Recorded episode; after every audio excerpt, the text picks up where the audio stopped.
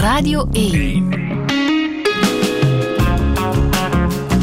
Weet ik veel. Met Kobe Ilse. Bijzonder goedemiddag. Voor mij zit Freya Rowaard. Freya, goedemiddag. Goedemiddag, Kobe. Jij zit hier voor een bepaalde reden, want Weet ik veel gaat vandaag over leven met kanker. Inderdaad. Dat is iets wat jij al hoeveel jaar moet doen? 21 jaar intussen. Ja. En dat is letterlijk leven met, want jij bent behandeld of uitbehandeld. Hoe, hoe moet ik dat zien? Ehm, het is eigenlijk een traject van 20, ja, 21 jaar intussen. Ehm, ik ben niet meer in behandeling op dit moment, maar ik ben al vier keer hervallen doorheen die 21 jaar.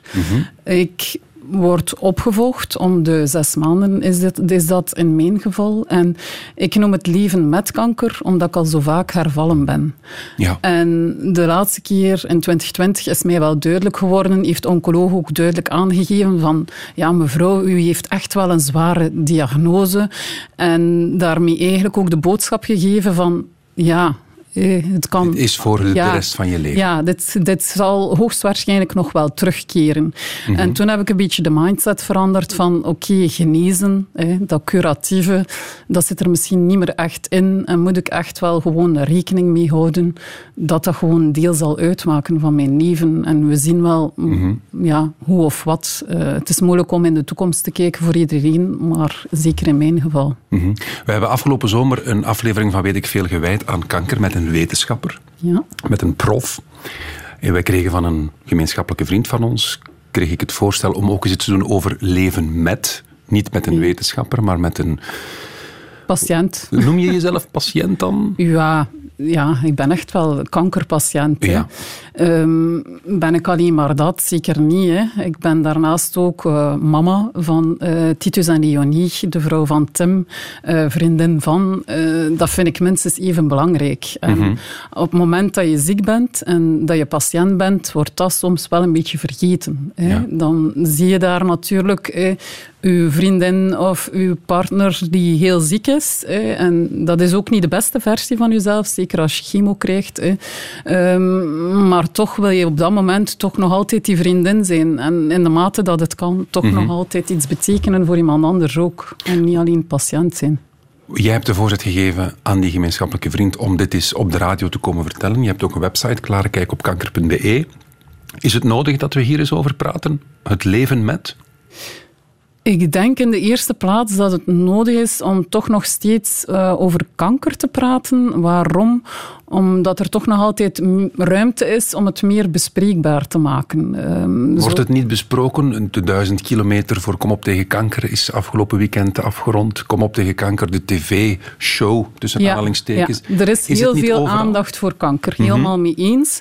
Wat bedoel ik daarmee? Eh, Gewoon het feit om op een gewone manier eigenlijk over kanker te praten. Het wordt heel vaak nog als een heel beladen woord gezien. Eh, mensen vinden het soms moeilijk van hoe moet ik hierover praten? Mhm. Ehm, en ja, het wordt nog vaak gezien als een doodsvonnis. Van oei, en mensen zeggen, ja, het is erg en dit en dat.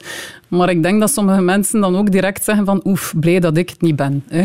Ehm, dus in dat opzicht vind ik het belangrijk om, om ook een beetje mee te geven van hoe kun je praten met een patiënt over kanker hè, op een gewoon normale manier. En dat is denk ik door ook gewoon jezelf te blijven Ehm, en niet eigenlijk eh, te bevriezen. Hè. Ehm, dat blijft nog altijd uw vriendin die daar zit, hè, eh, die nog altijd geïnteresseerd is in u. En eh, als daar vraagt van hoe gaat het, geeft ze dan ook de ruimte om daar even over te praten, als ze daar zin in heeft of niet. Dan gaan we dat doen. Hè? We gaan een uur praten over leven met kanker. We gaan de vragen stellen die we kunnen en mogen stellen aan Freya Rowaard. En ik vroeg met welk nummer, muzieknummer, kunnen we beginnen? Is er een nummer dat een speciale betekenis heeft voor jou? En jij koos voor Nantes van Beirut. Ja. Waarom? Omdat dat voor mij een, een mooie herinnering is en ook een beetje typeert eh, hoe dat je als patiënt, als mens door een kankertraject gaat. eh. Ehm, dat is een herinnering aan het moment dat ik mijn zoon van negen maanden, eh, Titus, mijn zoontje, de fles gaf, zijn laatste fles.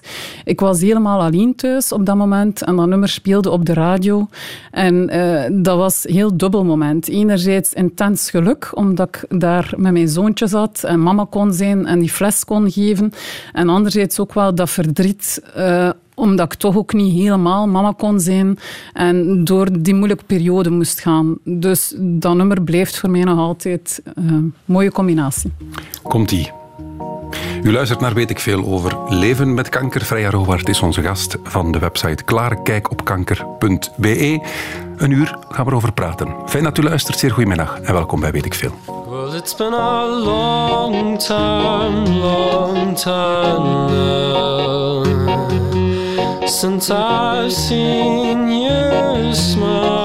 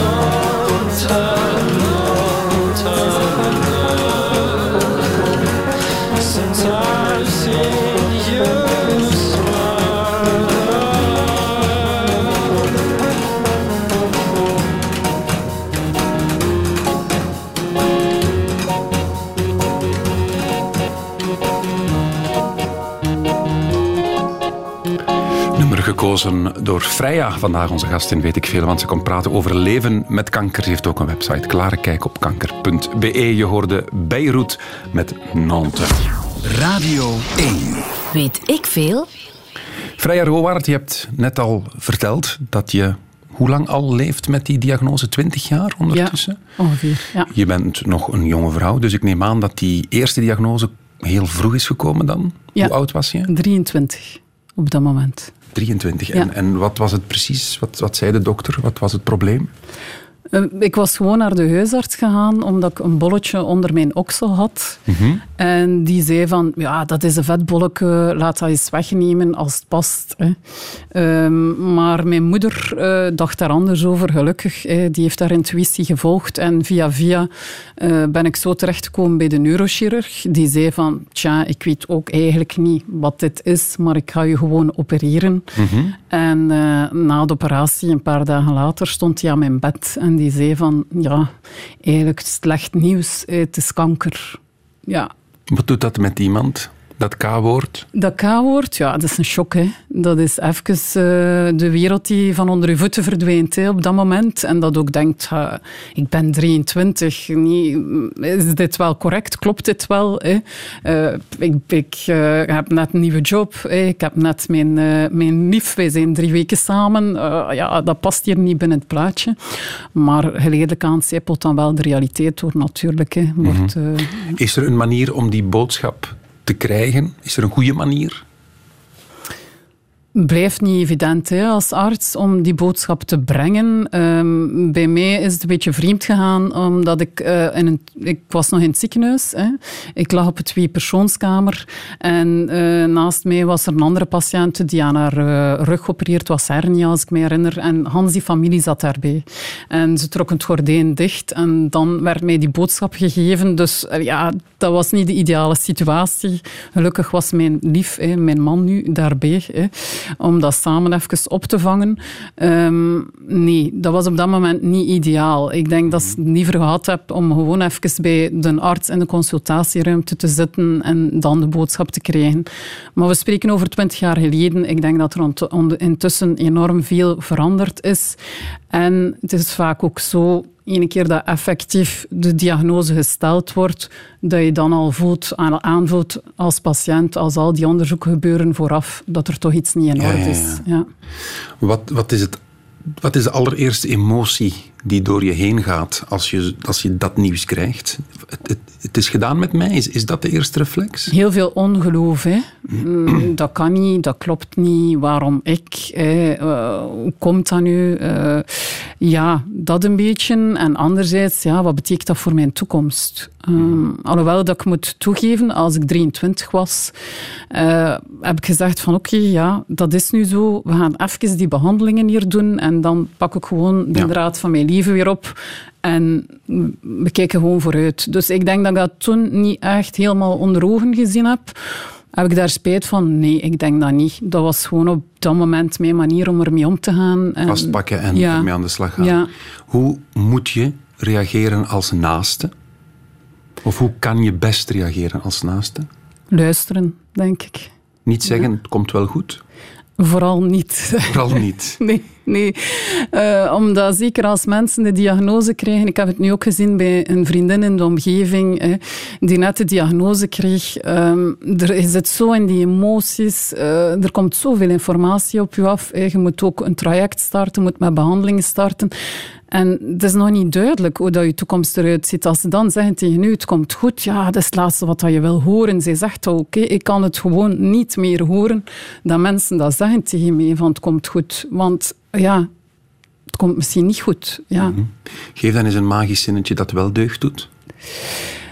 Ik weet... Zijn er voor jou zoiets? Ja, we zijn er voor jou. Of ik weet dat het niet gemakkelijk is voor jou op dit moment. Is er iets waar dat je je zorgen over maakt? Of ja, luister gewoon. En dan wordt wel heel snel duidelijk wat dat die persoon behoefte aan heeft. Wil die erover vertellen? Of wil die gewoon over, ja, ik zeg het, dagdagelijks feiten vertellen? Dat kan ook. Hè. Eh, ja, maar gewoon een beetje, ja, dat wordt snel duidelijk wat, wat iemand nodig heeft op dat moment. Uh, maar vooral ook niet, denk ik, afkomen met verhalen van ja, maar ik ken die, die persoon en bij die persoon is het zo en zo gegaan. Geen ja, in, toch? geen enkel verhaal is gelijk hè, binnen kanker.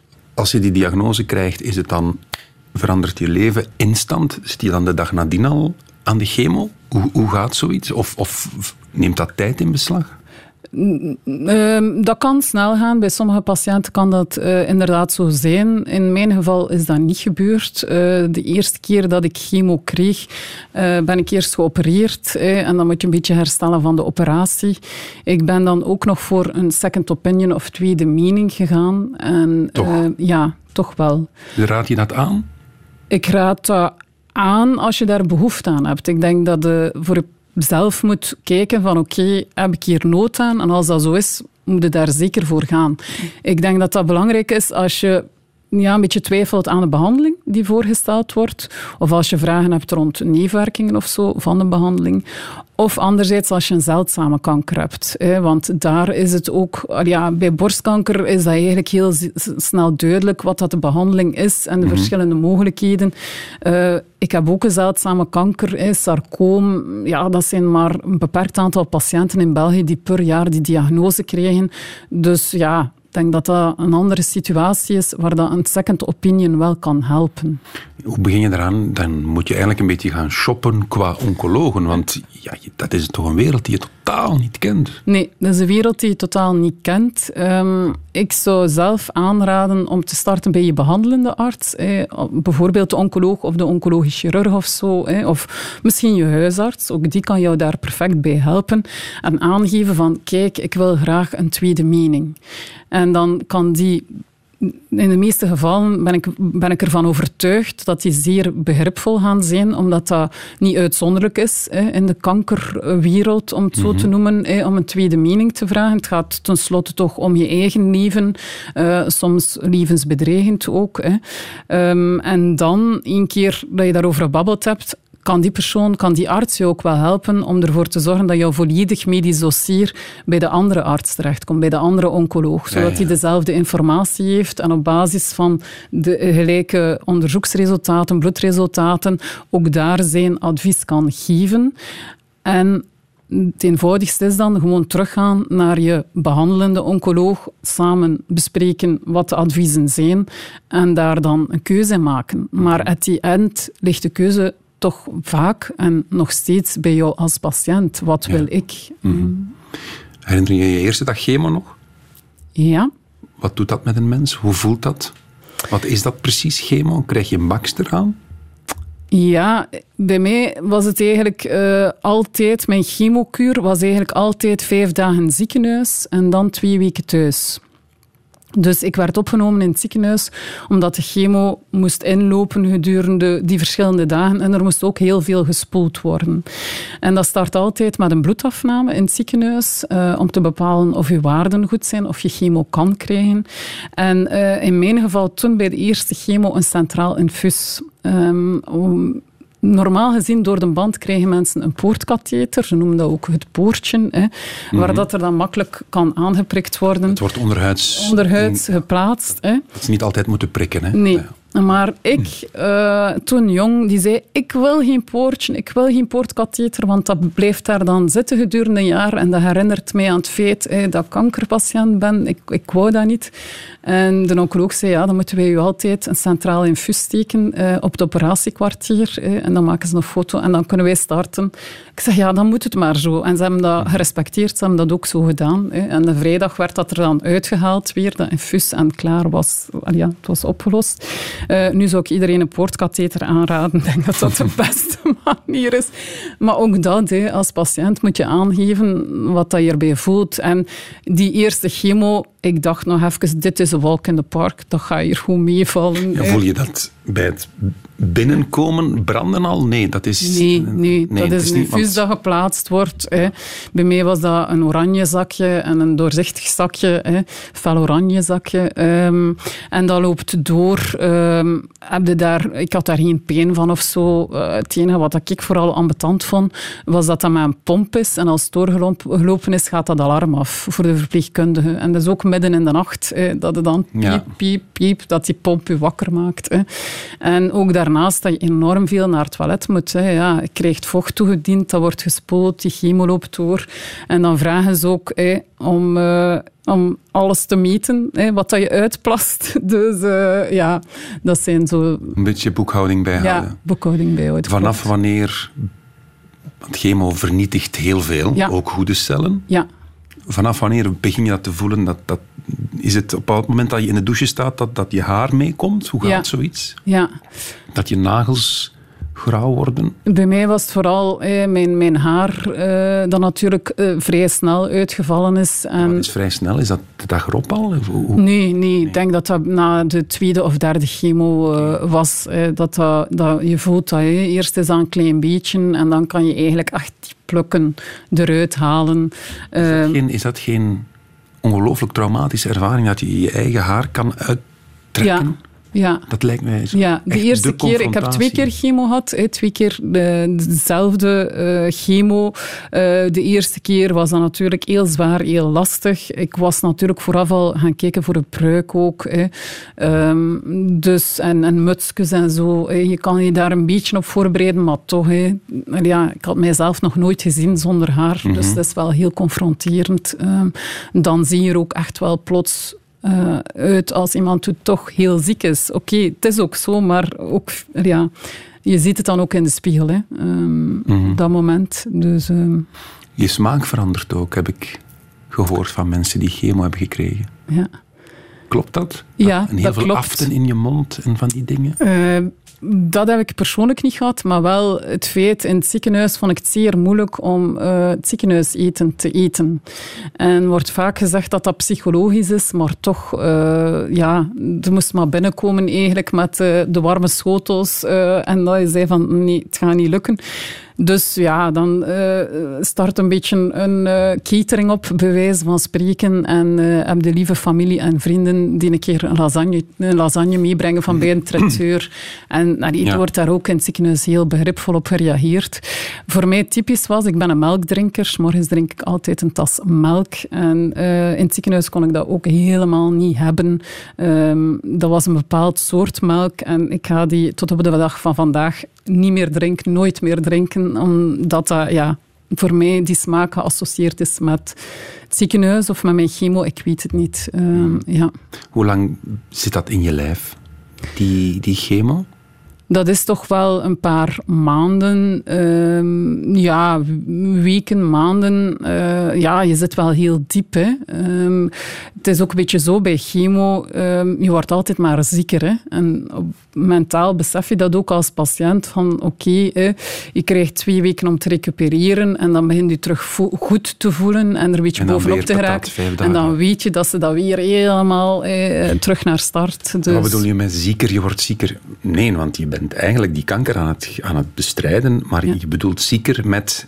Je voelt je zieker. Ja, de, de chemo, ja, de, de misselijkheid, meer door, omdat ja, hoe meer dat je chemo toegediend krijgt, hoe, hoe meer kans op nevenwerkingen. Hè. Ehm, in mijn geval was dat dan ja, op een bepaald moment dat ik eh, moeite had om naar het toilet te gaan. Dus geconstipeerd was en dat had mij dan niemand verteld. Dus dan zit je daar thuis en dan denk je, oh, dit moet lukken, dit moet lukken en dat gaat niet, heel gefrustreerd. En van pure miserie dan naar het ziekenhuis gebeld en zei, oh, maar is typisch voor de chemo, ga naar eh, de apotheek, ga dat gaan aan en het is opgelost. En dat was ook opgelost. Hè. Maar dat zijn toch dingen die mij bijblijven, dat ik denk van, ja... Moet, Zeg dat toch op Ja, moet niet alle nevenwerkingen weten op voorhand, want anders begin je er niet aan. Maar toch, dat zijn toch wel... Zo eentje vind ik dan wel toch een belangrijke, hadden ze mij wel mogen zeggen. eh. Is dat het, het zwaarste aan, aan kanker en, en het, hele, het hele plaatje? Die, die, die chemo, die therapie, die- dat je eerst heel diep moet gaan om daarna beter te worden. Is dat het zwaarste? Of niet? Als je in een traject zit, is natuurlijk die behandelingen, er zijn zeer zware behandelingen. Ik heb eh, chemo, vind ik in mijn geval, was zwaar. Enerzijds wat het met mijn lichaam deed, maar anderzijds ook mentaal. Je bent vijf dagen in het ziekenhuis, weg van je gezin, ehm, in een ziekenhuisomgeving. eh, ja, maar er zijn nog veel zwaardere eh, behandelingen binnen eh, de oncologie, hè, zoals een stamceltransplantatie. Allee, ja, dat is eh, nog van een andere orde. Hè. Ehm, dus het is enerzijds je, lichaam dat je enorm verzwakt en dat je minder energie hebt en op termijn ook voelt van ik kan minder aan. Hè. Ehm, en anderzijds, ja, je gaat daar wel door, want op dat moment eh, ja, moet je hè, en gaat ook al je energie gebruiken om daar zo goed mogelijk door te gaan. Maar het is maar op het moment dat alles achter de rug is, dat je een beetje in een gat valt. Want eh, ja, alle behandelingen zijn achter de rug en dan krijg je tijd om op adem te komen. En dan is het meer het mentale die eigenlijk de kop opduikt. Hè. Eh, in mijn geval. Ik spreek nu voor mijzelf.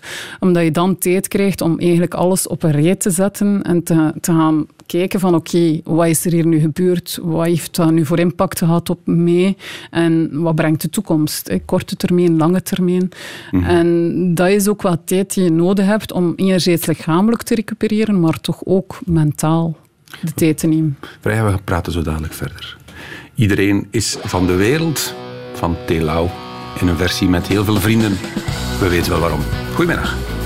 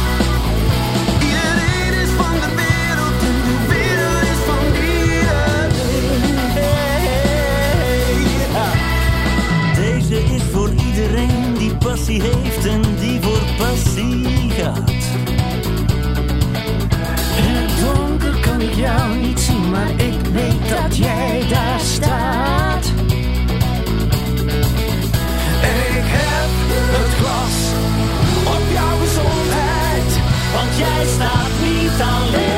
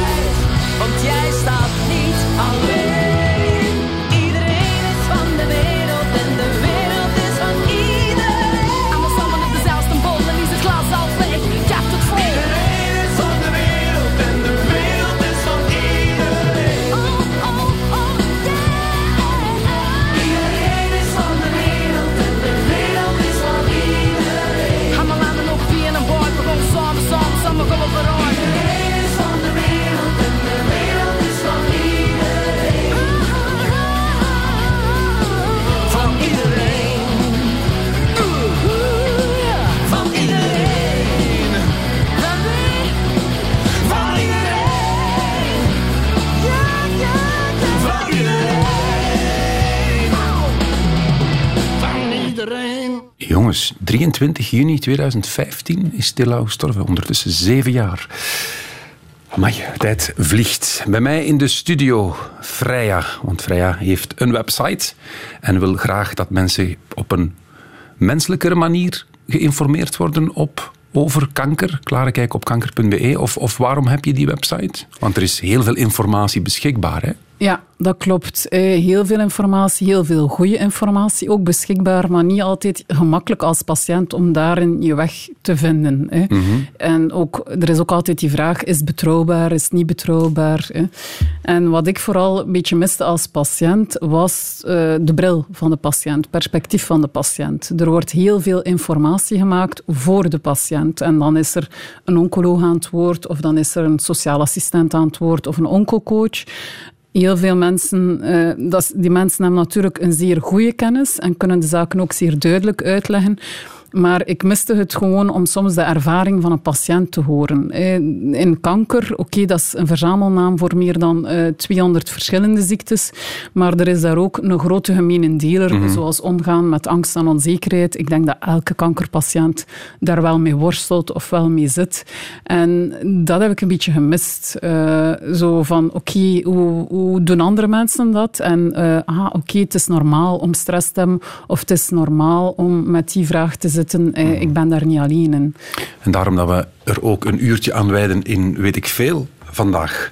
Een gesprek met Freya Rowaard. Mooie naam, Rowaard.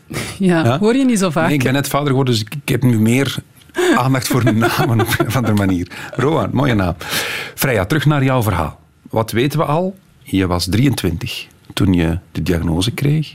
We zijn ondertussen 20 jaar later. Heel wat therapieën later. Maar er is op dit moment ook zeker geen belofte of geen garantie dat het voorgoed weg is. Daar, daar leer je mee leven. Ja. Hoe gaat dat? Want je bent nog altijd in de fleur van je leven en toch hangt daar ergens, Het zwaard van Damocles noemen we om dat. het met een cliché Ja. te zeggen, Ja. voel je dat? Ben je daar dagelijks mee bezig? Schakel je dat uit? En vooral, hoe schakel je dat dan uit? Ja. Ben ik daar dagelijks mee bezig? Nee, ik probeer dat niet. Eh, ik probeer inderdaad een beetje knopjes aan en uit te zetten. Ehm, en ik kan dat ook door... ik heb dat geleerd doorheen de jaren. Dat, dat is iets ook een proces waar je, waardoor je, dat je leert eigenlijk om daar ook een beetje mee om te gaan. Ehm, ik laat dat vooral toe eh, in aanloop naar mijn controle. eh. Dan voel ik dat die stress begint te komen, dat ik mij een beetje zorgen begin te maken van wat als, wat als het niet goed is. Hoe dikwijls Ehm, is dat, die controle? Bij mij nu om de zes maanden. Ja. En is dat aftellen? Mm, Nee, aftellen niet echt. eh, eh, want ja, eigenlijk, dat is een beetje dubbel. eh. Aan de ene kant wil je gaan om eh, toch ergens te horen van oké, op dit moment is alles oké. Aan de andere kant heb je soms goesting voor gewoon je hoofd in het zand te steken en te zeggen van oké, eh, niks aan de hand en ik wil gewoon normaal mijn leven verder zetten. Een beetje. Hoe moeilijk is het om niet elke ochtend als je doucht overal te gaan voelen of er iets zit? Want dat lijkt mij, als je ooit dat knobbeltje hebt Ja. gevoeld, dat lijkt me wel iets dat je elke keer als je jezelf wast of, of als je aan jezelf, jezelf aanraakt, dat je begint te voelen. Ja. Of niet? Dat is, dat is de grootste uitdaging voor mij in feite. Om te zeggen van oké, ergens vertrouwen te hebben in je lichaam. Maar anderzijds ook eh, als je iets voelt, om toch eh, dat ook niet te gaan negeren. Hè. Het is een beetje een evenwicht zoeken, heel belangrijk. Eh, je kan als patiënt niet elke dag onder de scanner gaan liggen. Dat gaat niet. hè. Dus ja, je moet dat voor een stuk ook loslaten. Ehm, wat ik doe, is als ik iets voel, is zeggen van oké, wat is dit? Ga ik hier iets mee doen? Ga ik hier niks mee doen?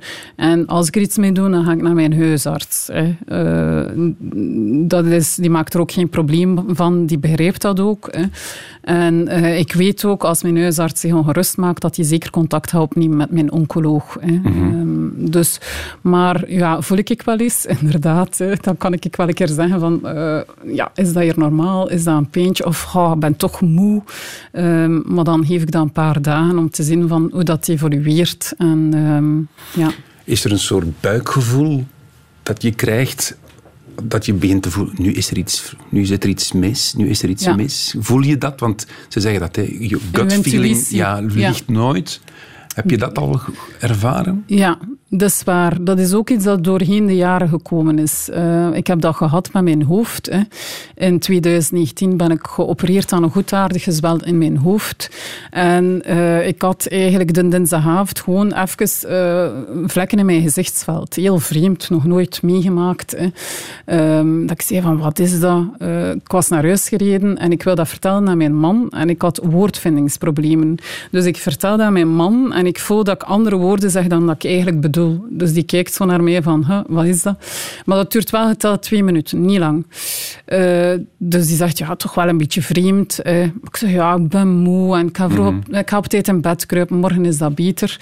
En dan de woensdag was ik zo in de late namiddag hoofdpijn beginnen krijgen. En dan zei mijn man, kijk, de oncoloog heeft altijd gezegd, als, als iets abnormaals voelt, dat je iets moet doen dit is voor mij abnormaal, we gaan nu naar het spoedreden. En eh, ja, dan hebben ze daar nog s'avonds een scan gedaan en hebben ze gezien dat er eigenlijk eh, ja, een gezwel in mijn hoofd zat. dat er daar een massa te zien was. En eh, ja, dat was nu niet echt direct wat ik verwacht had. Hè. En dan is natuurlijk ook direct de, de grote blinde paniek van oké, gaat dat te maken hebben met mijn kanker? Hè? Is dat een uitzaaiing van dat sarcoom? Ehm, dat heeft toch wel eh, ja, toen eh, vijf dagen geduurd, eh, al de onderzoeken gedaan. Dan bleek dat het enkel mijn hoofd was, nergens, eh, ergens iets anders te zien. En eigenlijk heb ik definitief resultaat maar na een maand geweten. hè. Hoe slaap je die maand? Hoe slaap je die maand? Eh, ik ben een relatief goede slaper. Eh, dat heeft heel veel door mijn hoofd gespookt, maar ik heb altijd gezegd van zolang dat ik het niet weet, moet ik ook niet beginnen panikeren. Eh, moet ik ook niet en ja, eigenlijk mij daardoor laten verlammen. Ik moet gewoon ook een beetje vertrouwen hebben in de onderzoeken en Ja. op het moment dat je, dat je dan het verdikt krijgt, oké, dan gaan we het wel aanpakken. Is dat misschien, het is raar om in tips te spreken Ja. in, in deze context, Ja. maar is dat iets wat je, wat je mensen die ook in een situatie van onzekerheid zitten, laat je niet gek maken? Nee, hè, en vooral door jezelf niet. Hè. Laat dat stemmetje niet overheersen die zegt het gaat niet goed zijn, het zal niet goed zijn. En zie wel, hè. Eh, zoek eh, afleiding. Eh, voor mij is dat in, in mijn geval met mijn gezin naar de zee gaan en gaan wandelen en iets eten hè, bijvoorbeeld. hè. Probeer toch die verstrooiing te vinden ehm, en leuke dingen te doen in de mate van het mogelijke. Eh, het heeft toch geen zin om in uw zetel te zitten wachten eh, op een telefoontje met resultaat. Dus probeer nog altijd eh, de dingen te doen die je graag doet.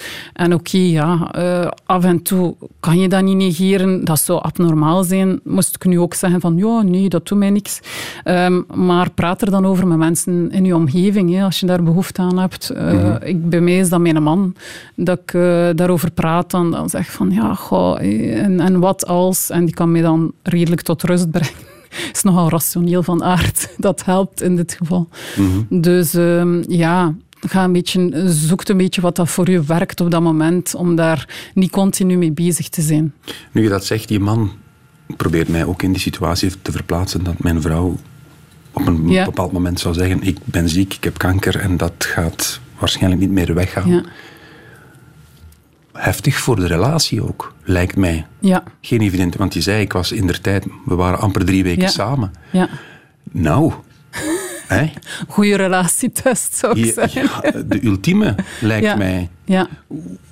Wat, wat is het geheim om, om die relatie te doen slagen dan? Is dat ehm, vooral van zijn kant water bij de wijn doen? Of, of is dat ook als patiënt toch blijven moeite doen? Hoe, hoe- Ik denk je blijven praten natuurlijk, dat dat heel belangrijk is. Eh, ehm, alle twee durven zeggen hoe dat u voelt, wat dat je denkt.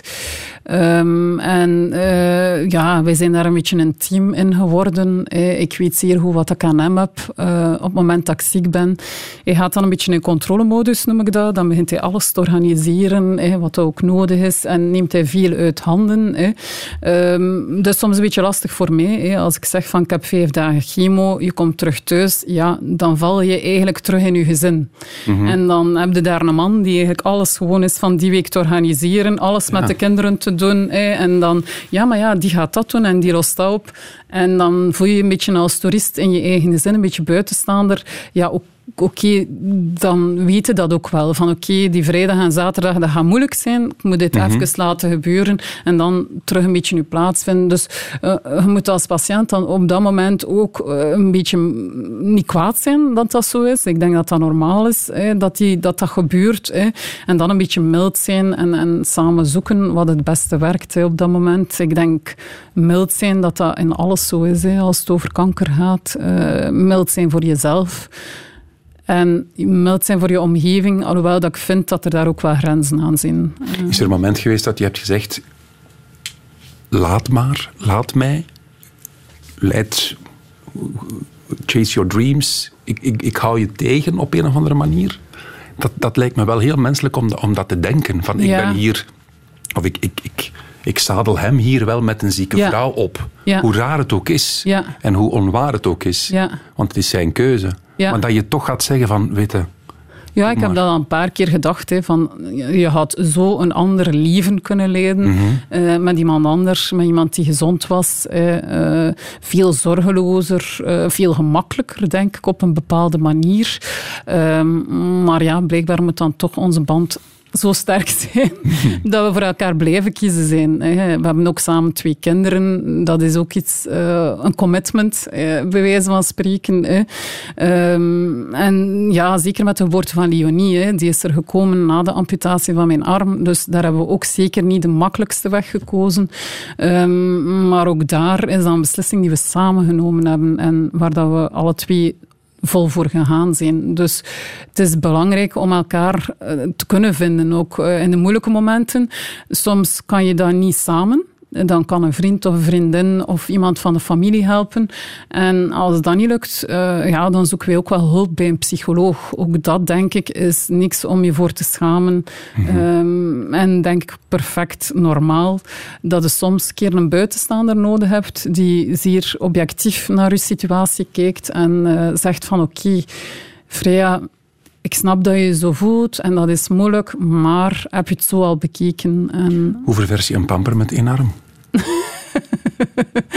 dat is moeilijk, zeer Ik moeilijk. struggle al met twee handen. Ja, ja. Eh, je, wordt, Geef je een flesje?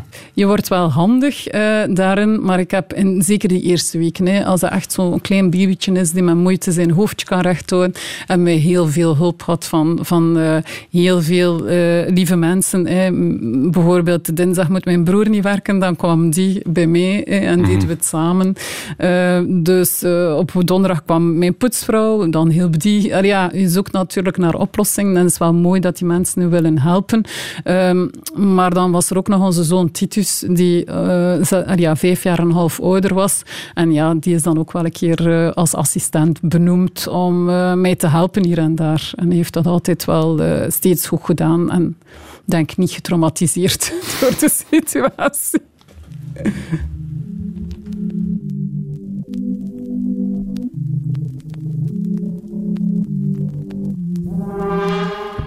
Mais oui, on se connaît bien. T'as même voulu te faire ma mère. hein. T'as commencé par ses seins. Et puis du poumon à mon père, tu t'en souviens?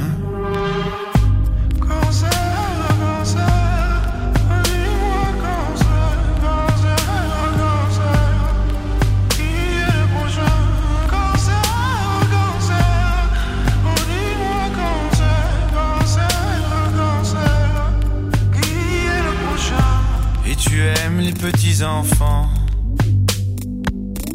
Décidément, rien ne t'arrête, toi.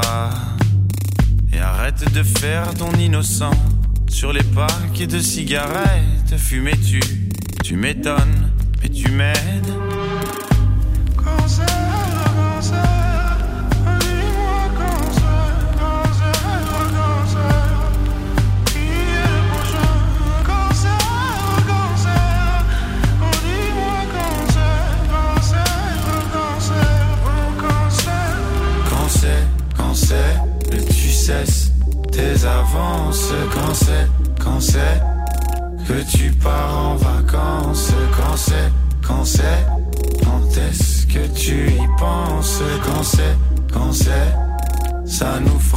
vacances. Cancer, cancer.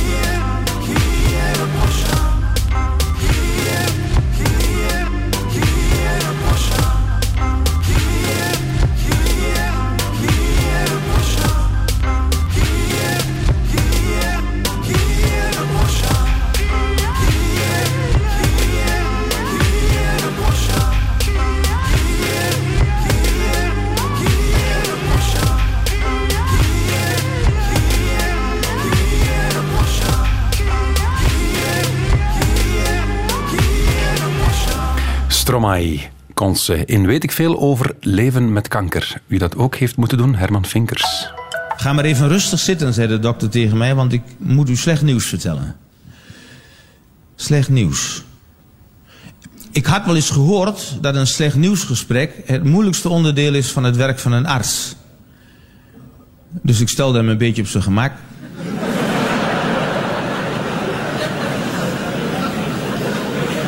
Ik, gaf hem een sigaretje. Ik legde een pakje tissues klaar. Nou, toen kwam het hoge woord er wel uit. Je hebt, zo zei de dokter, chronische lymfatische leukemie. Als je zo'n bericht te horen krijgt, dan kijk je opeens heel anders tegen het leven aan, hè? Maar als ik heel eerlijk ben, dames en heren, was dat bij mij toch niet het geval. Nee, ik had het leven altijd al beschouwd als een ongeneeslijke ziekte waar je uiteindelijk dood aan gaat. Ja, en ik heb ook al een heel leven achter de rug. Een leven waaruit ik ook nog eens, vind ik, het dubbele haal van wat een normaal mens eruit haalt. Ja, wat een normaal mens in een jaar drinkt, drink ik in een half jaar. Herman Vinkers. Want we moeten ook kunnen lachen met situaties, denk ik, Freya, dat je dat wel zal eh, onderschrijven. Ja. Anders zit je hier ook niet, anders had je de kracht om, om je verhaal te vertellen. Heeft die, ja, die leidersweg, of nee, leidersweg ga ik het niet noemen, heeft dat traject van 20 jaar dat je ziek bent geweest, heeft dat ook positieve kanten gehad? Heeft dat jou als mens ook rijker gemaakt? Bekijk je dat alleen maar negatief of, of niet? Nee, nee, er zijn heel veel mooie momenten geweest en ik denk dat je de mooie momenten nog sterker gaat appreciëren en meer beseffen hoe waardevol dat ze zijn. Ehm, anderzijds hebben wij ook, eh, gaan wij nu heel hard voor wat dat wij willen, hè, wat dat wij belangrijk vinden, hè, mijn man en ik. Eh, ik spreek dan voor ons als, als koppel, van eh, wat, wat willen wij in ons werk, in, in onze relatie, in ons leven. gaan we daar veel meer keuzes maken dat wij zeggen van oké, dat is wat dat wij willen, dat is wat dat voor ons belangrijk is, zonder natuurlijk dat dat ja, een negatieve impact zou hebben Mhm. eh, om, uit men- op mensen in onze omgeving die we lief hebben. eh. Maar eh, denk ik eh, zeer bewuste keuzes gaan maken. En ook in onze vriendschappen, eh, ook daar eh, gaan wij ons omringen met mensen dat we weten van oké, ehm, we hebben daar veel aan, die betekenen veel voor ons. We gaan daar ook eh, veel energie in steken, omdat onze vrienden, we hebben dat geleerd doorheen de jaren, en ook onze familie natuurlijk, zeer belangrijk zijn. Voor ons al heel veel betekend hebben. Mhm. Dus voor ons is, is ja, die, die familieband, die vriendschap, de authentieke, zeer belangrijk. Ehm, en daar kiezen wij echt bewust voor. We naderen jammer genoeg het einde van dit uur, nog amper twee minuten. Maar eh, elke dag krijgen 200 mensen in België te horen dat ze kanker hebben. 200. Ja. Dat is, dat is een, dat is een groot getal. Ja.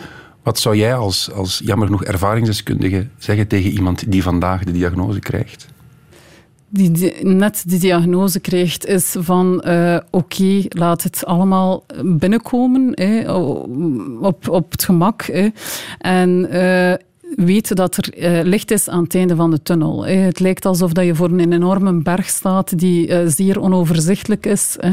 Maar weet dat eh, omhoog, als je de berg op bent, dat je kunt genieten van een mooi uitzicht. En stel u daar dan ook voor wat dat voor u eh, belangrijk is. Bij mij was dat de zomer, terrasjes doen, mensen kunnen zien, eh, terug op adem komen. Ik zou zeggen, ga op zoek naar u, wat dat uw wortel is om doorheen dat moeilijke traject te geraken. En eh, zet daar eigenlijk een beetje uw focus op en besef dat iedereen wel een grote kracht in zichzelf heeft en een groot doorzettingsvermogen om daar door te gaan. Toen me denken aan iemand die we ooit geportretteerd hebben voor televisie. Martien heette ze. En zij had de leuze uit Winnie de Pooh. Je bent sterker dan je denkt en je bent moediger dan je denkt. Ja. En dat is eigenlijk wat jij ook zegt. Hè? Ja, dat is waar. Ook al lijkt het zo'n moeilijk traject, zo zwaar. Ik denk dat iedereen een enorme innerlijke kracht heeft. En als het moeilijk gaat, oké, alle dat mag ook. Hè. Dat wil ik nu zeker niet zeggen hè, hier. Maar het mag ook moeilijk gaan. Je mag dat aangeven. Maar weet dat het ook wel na dat traject eh, mooie, mooie vooruitzichten zijn. Klare kijk op kanker.be, een website van Freya Rowaard, die onze gasten was. En weet ik veel over leven met kanker. Mag ik u danken voor uw moedig verhaal. Radio 1. weet ik veel. Met Kobe Ilse. Dit is het einde van deze podcast van Weet ik veel. Weet ik veel is trouwens een programma van Radio 1. Op radio1.be vindt u nog veel meer.